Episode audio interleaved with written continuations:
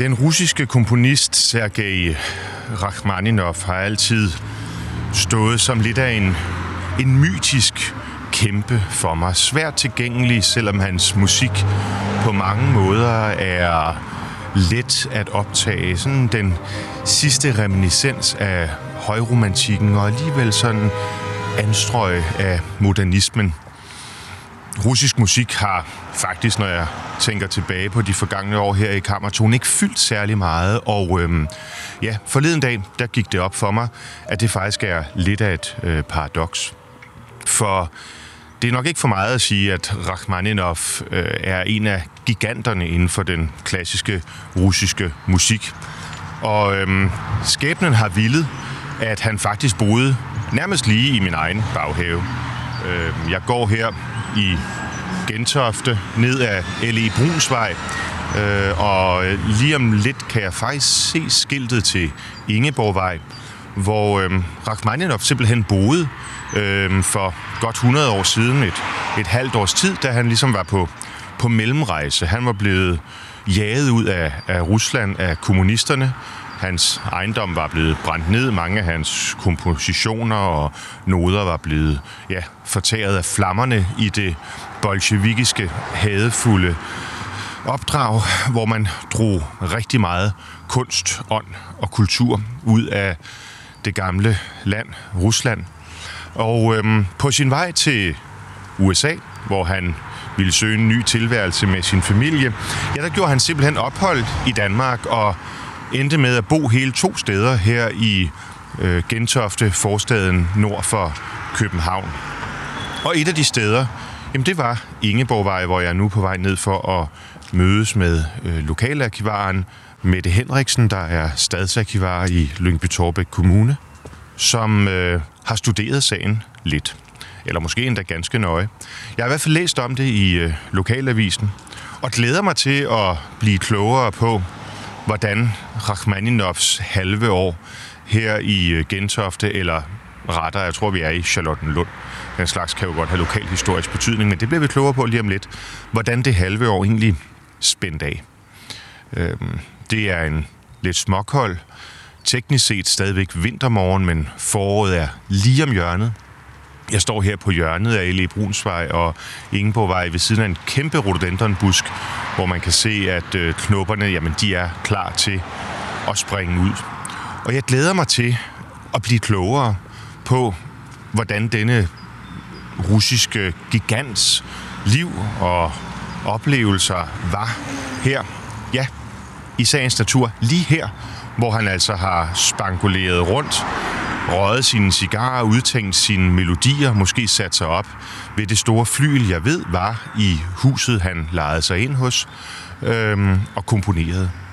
Hans toner må have lyttet ud over hele området her. Jeg ved fra Jesper René, at når han øh, komponerede og indstuderede, så spillede han utrolig forsigtigt, langsomt, for at få alle nuancerne med. Tænk at gå her på Ingeborgvej i Charlottenlund og kunne høre Rachmaninov spille. Det er der ikke mange af dem, der passerer forbi mig lige nu, som øh, tror jeg overvejer. Der går en ung mand, givetvis på vej mod skole. Han har ikke lært at øh, undgå at slæbe skoene hen ad jorden, når han går, men det generer ham tydeligvis lige så lidt som den viden, at Rachmaninov altså boede i huset her lige på min højre side. Jo, nu lykkedes det faktisk at undgå. Nej, nu kom slæberiet igen. Men hvad lavede han det halve år? Kan I, kan I vide, hvordan hans dagligdag, hans rutiner var? Og hvordan brugte han området til at forhåbentlig både nyde freden for kommunisterne, men også at suge inspiration ind til sine kompositioner? Jeg ved ikke engang, om der er specifikke værker, man sådan ved er skrevet her, men alt det, og forhåbentlig meget mere, jamen det vil øh, Mette Hansen gøre os klogere på lige om lidt. Så nu går jeg rundt om hjørnet her. Jeg tror faktisk, det er hende, der står her i en lysegrå frakke. Nej, lysegrøn er den. Og kigger også ned i sin telefon. Det er jo efterhånden det, vi alle sammen gør. Jeg har også mine noter på telefonen.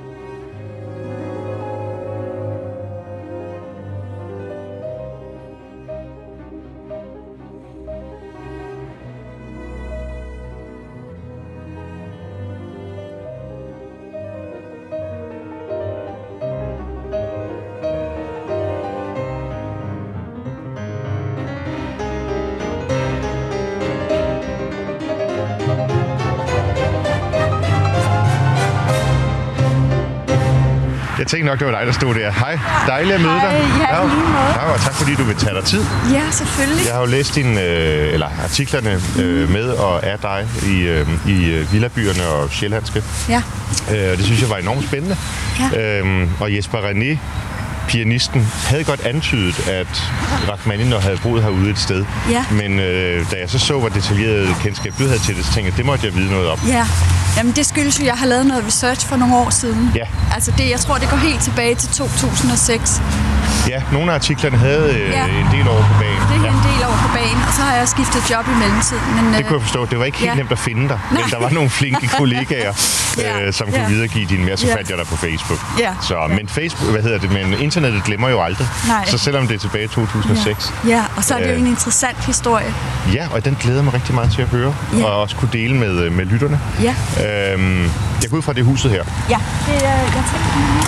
Altså, det er, jeg har også taget nogle billeder med, så du kan se, hvor lille det Ja. var dengang. Fordi Er, er dem, der bor derinde nu, er de indforstået med, hvis vi står og taler om deres hus, eller hvordan Nej, tror men du? det er jo offentligt. Det er jo, en, øh, det er jo sådan en fritidshjem. Nå, okay. øhm, altså, du kan se, hvordan huset så ud øh, dengang. Og der var sådan en pavillon. Du kan godt se, at der er bygget noget til. Ja, Øhm, gud ja, pavillonen også. ja. Øhm, og så er der også det her. Man kan godt se det på taget. Du kan se det på taget. Ja, at der, at det, der er noget, der er nyt. Ja, du kan også se Det er fra her. den anden side. Det er fra den anden side, og der er nemlig kommet to af de her på. Ja, Øh, men det skyldes, at øh, kommunen køber det jo, mens han er her. Fordi, Ja. Og de skal jo lave det til teknisk forvaltning. Ja. Fordi dengang lå rådhuset lige her rundt. Er det den gule bygning der? Nej, øh, rundt på den anden side. Det var sådan et gammelt, flot øh, rådhus. Nå, det hedder også Rådhusvej. Jamen, det, det, er derfor, det er det. Ja, ja. Og, og, og så skulle teknisk forvaltning være tæt på, men øh, Ja. lige så snart det var færdigt, så begyndte det allerede at blive for småt, fordi kommunen ekspanderer jo.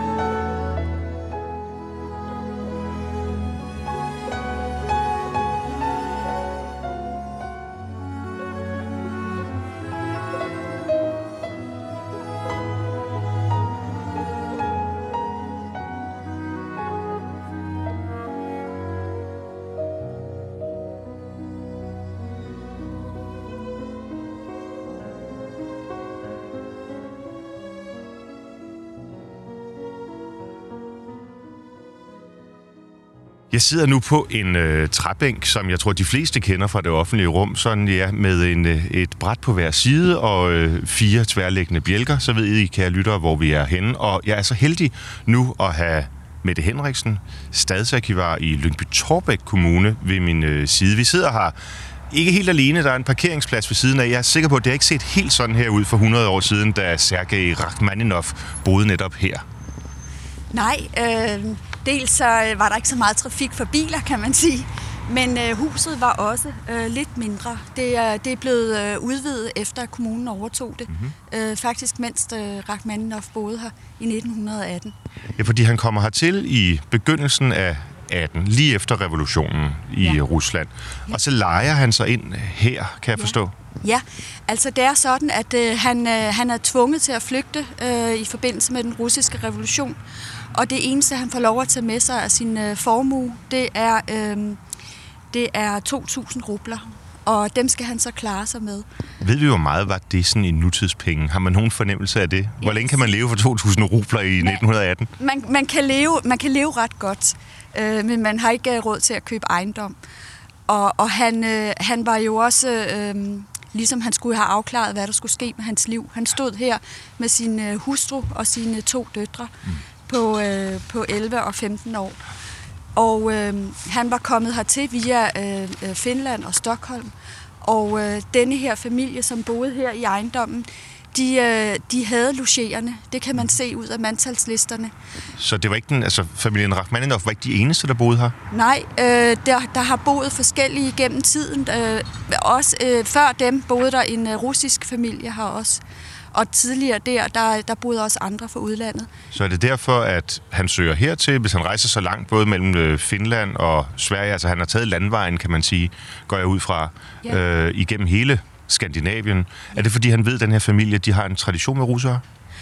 Det ved vi faktisk ikke helt præcis, men jeg tænker heller ikke, at det er tilfældigt, at det er på den måde her, han ender. Øh, så, øh, men, men han kommer til København. Det er et godt sted også øh, at give koncerter, og der er stor interesse for ham. Ja.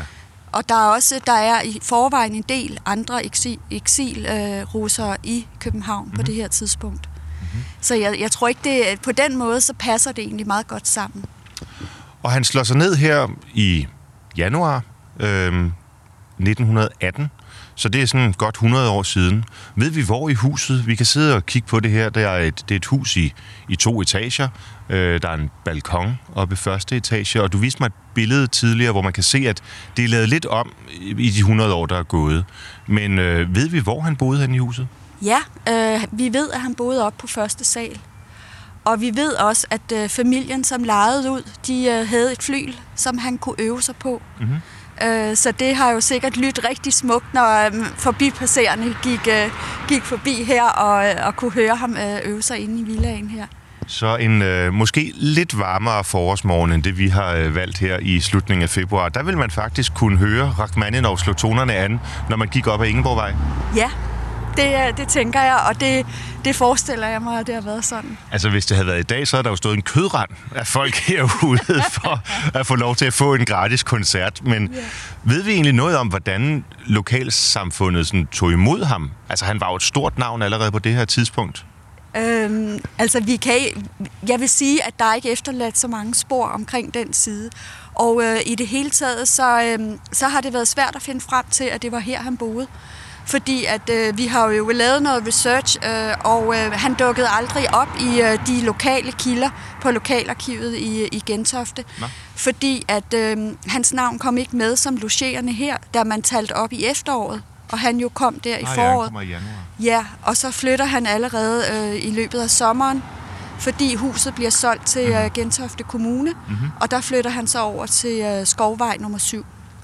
Så øhm, man vidste måske ikke rigtigt, hvem det var, der boede her i virkeligheden. Heller ikke sådan i lokalsamfundet. Jeg tror, at du har beskrevet det lidt som et detektivarbejde, ja. at finde frem til noget. Kan du sige lidt om det? Ja, det har været utrolig spændende med det her detektivarbejde, fordi at øh, vi var først igennem mandtalslisterne, så, hvor han jo ikke figurerede, og vi kiggede i vejviser. Er det datidens CPR-register, eller hvad ja. er det? Mandtalslister? Ja, okay, det er det faktisk. Ja. Og dem har man i Gentofte Kommune fra 1904 til 1923. Mm-hmm. Så der ville han jo have været, hvis han havde haft øh, ejendom her. Men det, der er også en lille rubrik, der hedder Logerende, og der var han jo så heller ikke. og han var heller ikke i vejviseren, og i det hele taget så fandt vi ingen spor øh, af ham øh, i de lokale kilder. Men øh, da vi så søgte øh, ud øh, til Rigsarkivet, øh, så fandt vi ud af, at i Erhvervsarkivet, som jo hører under Rigsarkivet, der øh, havde øh, Wilhelm Hansens musikforlag, han havde nogle meget interessante kilder, der pegede på øh, Rachmaninoffs aktiviteter, mens han var i, i København. Så Wilhelm Hansen de vidste i hvert fald, at øh, der boede en helt særlig person her på Ingeborgvej. Ja, det må man ja. sige. Og de havde arkiverne? Og de havde arkiverne, og det var en regnskabsbog, hvor man kan se, hvad de har udbetalt til Rachmaninoff. Og der kan man se, at de har købt øh, vis, de har sørget for hans visa, visum til øh, senere til USA, og også øh, pas til familien, og i det hele taget hans rejser rundt i Skandinavien, hvor han jo gav koncerter mm. i øh, 1918. Ja, ja. Ved vi noget om, hvordan familien følte sig til rette? Altså, øhm, de tager jo hurtigt videre, kan man sige. Er det fordi, at, at planen sådan set allerede fra flugten fra, øh, fra kommunisterne i, i Rusland der, at det ligesom er, er målet at komme til USA? Eller når de forlader landet her i Danmark så kort tid efter, de er her et halvt års tid, er det så fordi, de ligesom ikke føler sig tilpas? Eller, eller ved man noget om det? Øh, jeg tror, min, min formodning er, at øh, de tilbud, han modtager fra øh, USA, eller Amerika, som man sagde dengang, de er så attraktive, så han, han vil dertil. Ja, ja. Øh, og det er, øh, det, så han, han rejser jo til New York, og, og de, øh, han, han dør jo i Beverly Hills ja. i 43, så det er, det er han, øh, jeg tror, det simpelthen er så attraktivt for ham, så at, øh, der er bud efter ham, kan man ja, sige. Ja. Og det er der jo så lidt øh, den dag i dag, hvor vi altså sidder her på, på Ingeborgvej og kigger op, misundeligt op på, øh, på balkongen her, hvor man kunne høre ham øh, spille. Hvad, øh, Wilhelm Hansen, at de, da, da I henvendte jer, øh, Mette Henriksen, til, øh, til dem, var de også overrasket over den her nyhed, eller hvordan reagerede de på jeres øh, detektivarbejde? Øh, det, var, det var primært øh, øh, de, de historiske kilder, som vi konsulterede omkring det. Så, så jeg var ikke selv i kontakt med, med det her forlag. Men, men det var sådan, at de øh, dengang, de, øh, de var både et forlag, men de arrangerede også koncerter. Og vi kan se, at øh, Rachmaninoff har givet koncerter, blandt andet i Otfello-palæet. Ja. Men i det hele taget, så tror jeg, at han var en meget sky person. For hvad vi også har fundet frem til, det er et, øh, øh, en artikel i tidsskriftet Masken, som er i det kongelige biblioteks samling. Og ja. der tegnes et billede af en meget sky person, øh, som bliver interviewet på Dangleterre, og som øh, sidder i sin cigartoger der og, og, og fortæller lidt om øh, hans ophold. Har man stadig det interview? Ja, ja. men det er meget, øh, det er meget, meget kort. Okay. Øh, og jeg har indtryk af, at han egentlig ikke er altså udadvendt en person. Det var, det var musikken, som øh, betød noget for ham, ja. og ikke så meget det med at være entertainer, eller hvad man skal sige. Så et enkelt interview er det blevet til. Det er jo næsten øh, altså svært at forstå for os her i en moderne tid, hvor øh, enhver kendis skal være på nærmest dagligt. Ved vi, øh, ved vi noget om, hvad han bedrev tiden med så? Altså, det har så ikke været interviews og Facebook-opslag i sagens natur, men, men hvad, ved vi, hvordan hans dagligdag fungerede? Har, hvor gjorde han sin indkøb? Øh, eller det var måske konen, og gik han ture? Har, øh, fik han nogen form for inspiration for området? Der har nok været mere natur dengang, tænker jeg. Ved vi, hvordan hans dagligdag var? Vi ved, at, øh, at han, han tilbragte rigtig meget tid øh, ved, sit, øh, ved, ved flylet. Og så ved vi også, at han var øh, på rigtig mange rejser. Ja. Så, så han, øh, jeg, jeg forestiller mig ikke, at han selv har gjort sine indkøb og, og lavet mad og sådan noget. Det var jo ligesom kvinders domæne på det her tidspunkt. Og han kommer jo også fra en tilværelse, hvor han formodentlig har haft tjenestefolk, tænker jeg. Han er jo en relativt velstående og en, en adelig familie, eller i hvert fald semi-adelig i, øh, i, øh, i Rusland, så han har nok haft en anden tilgang til tingene. Ja. Ved man sådan øh, noget om, han sås med naboerne, eller om der var nogen interaktion? Jeg tror ikke, der har været meget interaktion. Det er i hvert fald ikke noget, som der har sat sig spor nogle steder i kildematerialet. Og vi ved heller ikke, om han havde kontakt til de eksilrusere, som var i København på det her tidspunkt. Nej. Men der var en del. Ja. Han bor jo ikke kun her øh, på, på Ingeborgvej. Der er også noget med, at han så flytter på et tidspunkt. Ja, fordi huset her bliver solgt øh, i sommeren øh, 1918, og så flytter han hen til, øh, til øh, Skovvej nummer 7, øh, hvor han så bor der øh, den resterende tid af sit ophold, indtil han rejser videre. Og det gør han jo der i øh, oktober-november ja. øh, i efteråret. Ja. Så ja. han er kun lige et, ja, et lille år, ja. godt og vel. Ja, ja. præcis.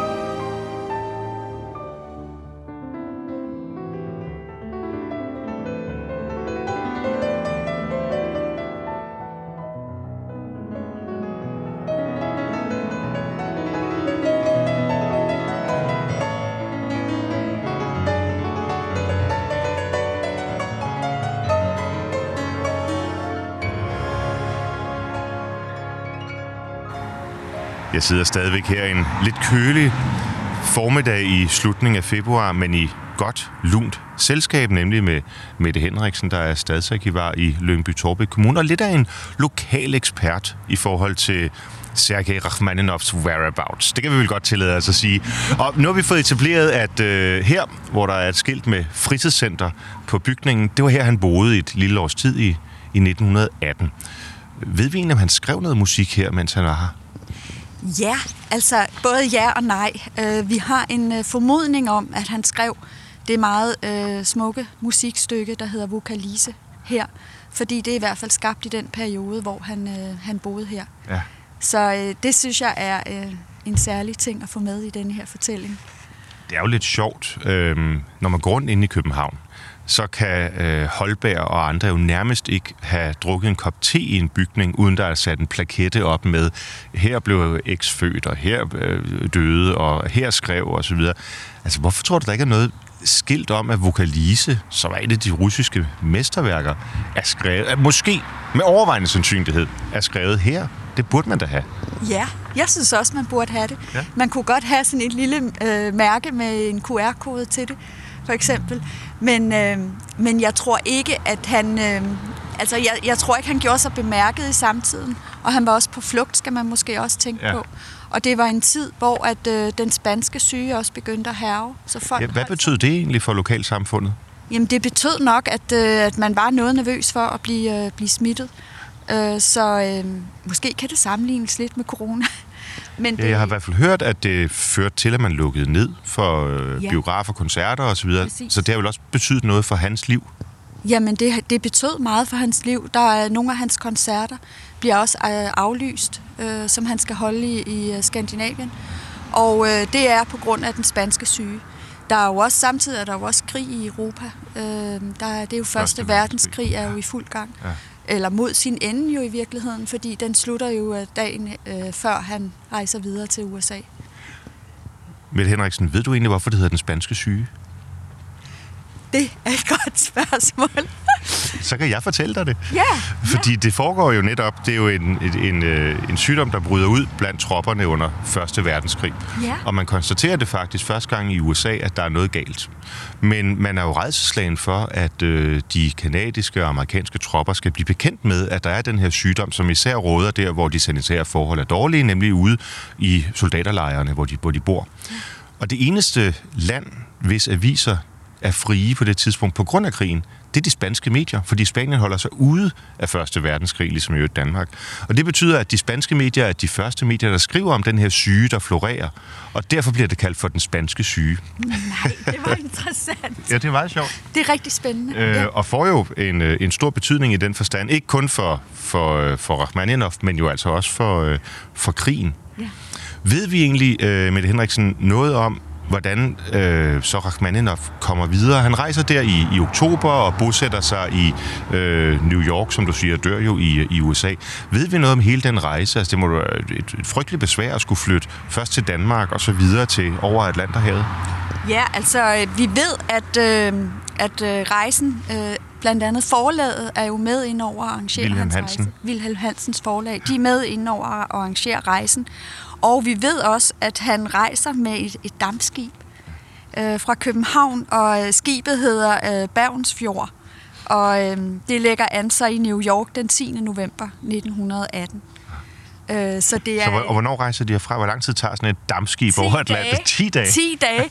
Og det, øh, og det har sikkert budt på, på meget bølgegang, kunne man forestille sig. Det var en levende forestillelse. Ja. Og, og jo ikke ufarligt, fordi der er jo krig på det tidspunkt. Selvfølgelig, selvfølgelig. Men, men han, øh, og, og da de så kommer til, til øh, New York, så begynder han jo også at, lave, at give mange koncerter derovre. Og han er rigtig, rigtig flittig gennem årene. Nogle år, der giver han så meget som 70 koncerter om året. Wow. Og det er rigtig meget. Ja, det er jo... Altså både at skulle studere det, og så også Ja. fremføre det, det er jo ja. en kæmpe indsats. Ja.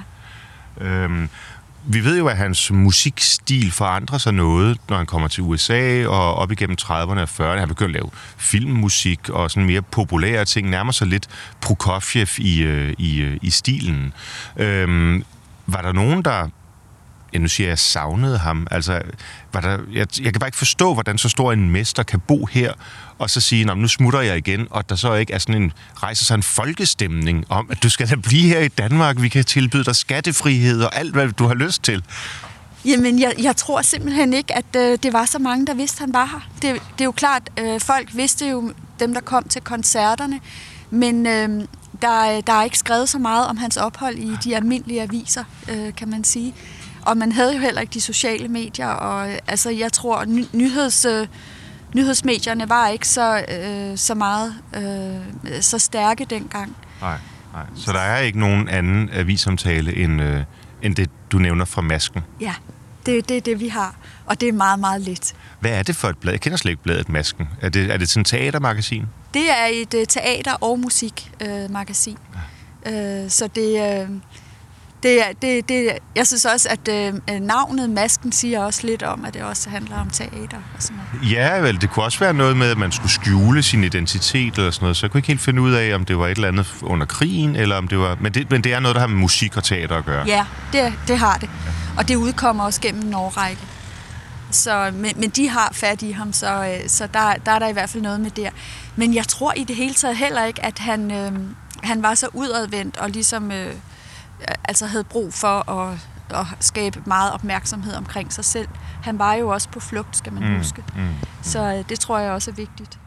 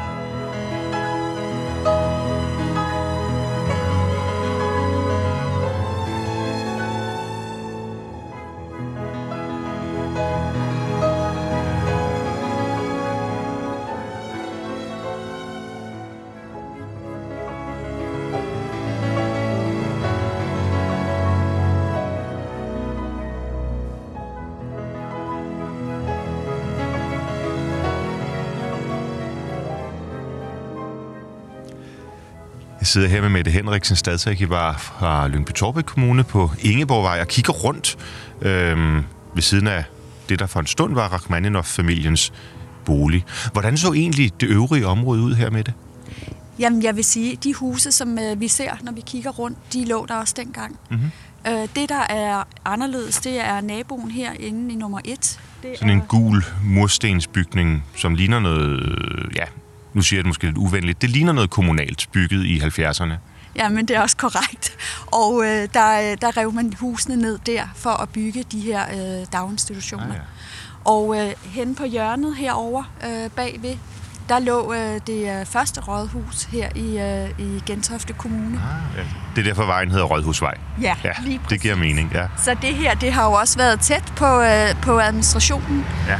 Øh, rådhuset, det åbnede i 1903, og, øh, men det blev allerede ret hurtigt øh, for småt, fordi at administrationen voksede. Og øh, derfor, det var også derfor, man skulle bruge det her hus til, som teknisk forvaltning, og at det lå tæt på, øh, på det, det første rådhus derovre. Men har Rådhuset måske også været forbindelsesnerven for Rachmaninoff så til, til resten af samfundet? Det kunne man vel godt forestille sig, at man havde vel ikke installeret telefon, eller havde man det på det tidspunkt? Eller hvordan korresponderede man? Jeg mener faktisk, de havde telefon her, Okay, altså som nogle af de, øh, de første, okay. øh, fordi man kan finde dem der i, øh, i vejviseren eller telefonbogen. Selvfølgelig, men jeg går jo fra, at, at det mest almindelige har været, at man korresponderede per brev. Ja, og øh, det er også netop øh, ud fra Rachmaninoffs brevveksling, øh, at, øh, eller brevsamling, at øh, vi ved, at han sad og øvede sig her på øh, familiens flyl, og at det vist ovenikøbet også skulle have været et godt flyl. Det ved man. Altså, Wilhelm Hansen leverede alligevel noget kram. Ja, det må man sige. ja. Det er meget betryggende. Så har de i hvert fald værdsat Sergej Rachmaninoffs øh, tilstedeværelse her i, øh, i øh, Charlottenlund Gentofte. Øh, Mette øh, Henriksen, jeg har i den grad værdsat din tilstedeværelse her den her lidt kolde februar formiddag. Det har været utrolig spændende at høre om. Tak fordi du ville øh, først og fremmest gennemføre detektivarbejdet, men også fortælle om det. Jamen øh, selv tak. Jeg synes, det er en utrolig spændende historie, som har optaget mig i mange år, så jeg er glad for at få den fortalt. Jamen, det kan jeg godt forstå, og det er vel ikke noget, der som sådan slutter. Er Du er stadigvæk lidt på jagt, hvis der skulle dukke et brev eller Ja. en anden kilde op. Ja, og hvis der er nogen, der ved noget, så kunne jeg da godt tænke mig at, at høre om det. Det kunne være rigtig spændende. Og dermed er, øh, er bolden givet op, kære lyttere. Øh, skulle der sidde nogen derude, som øh, kender lidt til Rachmaninoff-familiens ophold her i Gentofte tilbage i 1918, så, øh, så skriv ind. Og øh, når nu Radio 24 snart lukker, jamen, så skriv direkte til Mette Henriksen. Hun skal nok vide og værdsætte det. Tusind tak for din tid, Mette. Ja, selv tak. Det har været en fornøjelse at være med.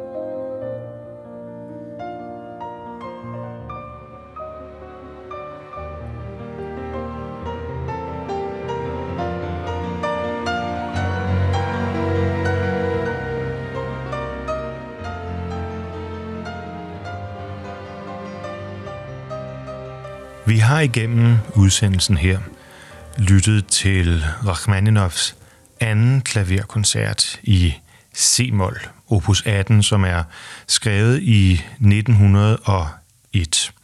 En indspilning af den ukrainsk-amerikanske pianist Valentina Lisitsa. Og øhm, Rachmaninoff skriver utrolig meget ekspressiv musik. Øhm, hans allerførste øh, klaverkoncert, han skriver i alt fire, den er skrevet, da han er kun 18 år, og øh, som vi hørte her i interviewet med Mette Henriksen, ja, så fortsætter han med at skrive musik også ind i øh, andre genrer end den her højromantiske, dramatiske, som vi har oplevet øh, igennem de seneste øh, 40 minutter her, helt frem til sin død i øh, USA.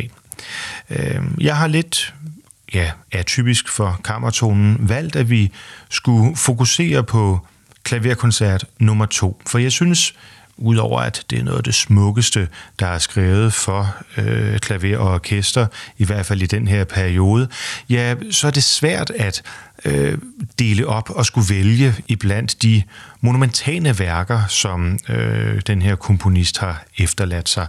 Øh, der er tre andre klaverkoncerter, som nævnt, jeg kunne have valgt i. Der er hans symfonier, hans øh, soloværker osv., men jeg har valgt at gøre det på den her måde, for at de, kære lytter, kan tage det som en inspiration og forhåbentlig øh, bruge det til selv at drage dybere ind i Rachmaninoffs verden, hvad end musikken så er skrevet i Rusland, ja her i Danmark, eller i USA, eller måske i virkeligheden mest oplagt altid på farten. Og alligevel så er der jo et stykke musik, som vi nok ikke kan lade være med at runde af med. Og det er netop den vokalise, som vi af et par omgange i samtalen her har været inde på.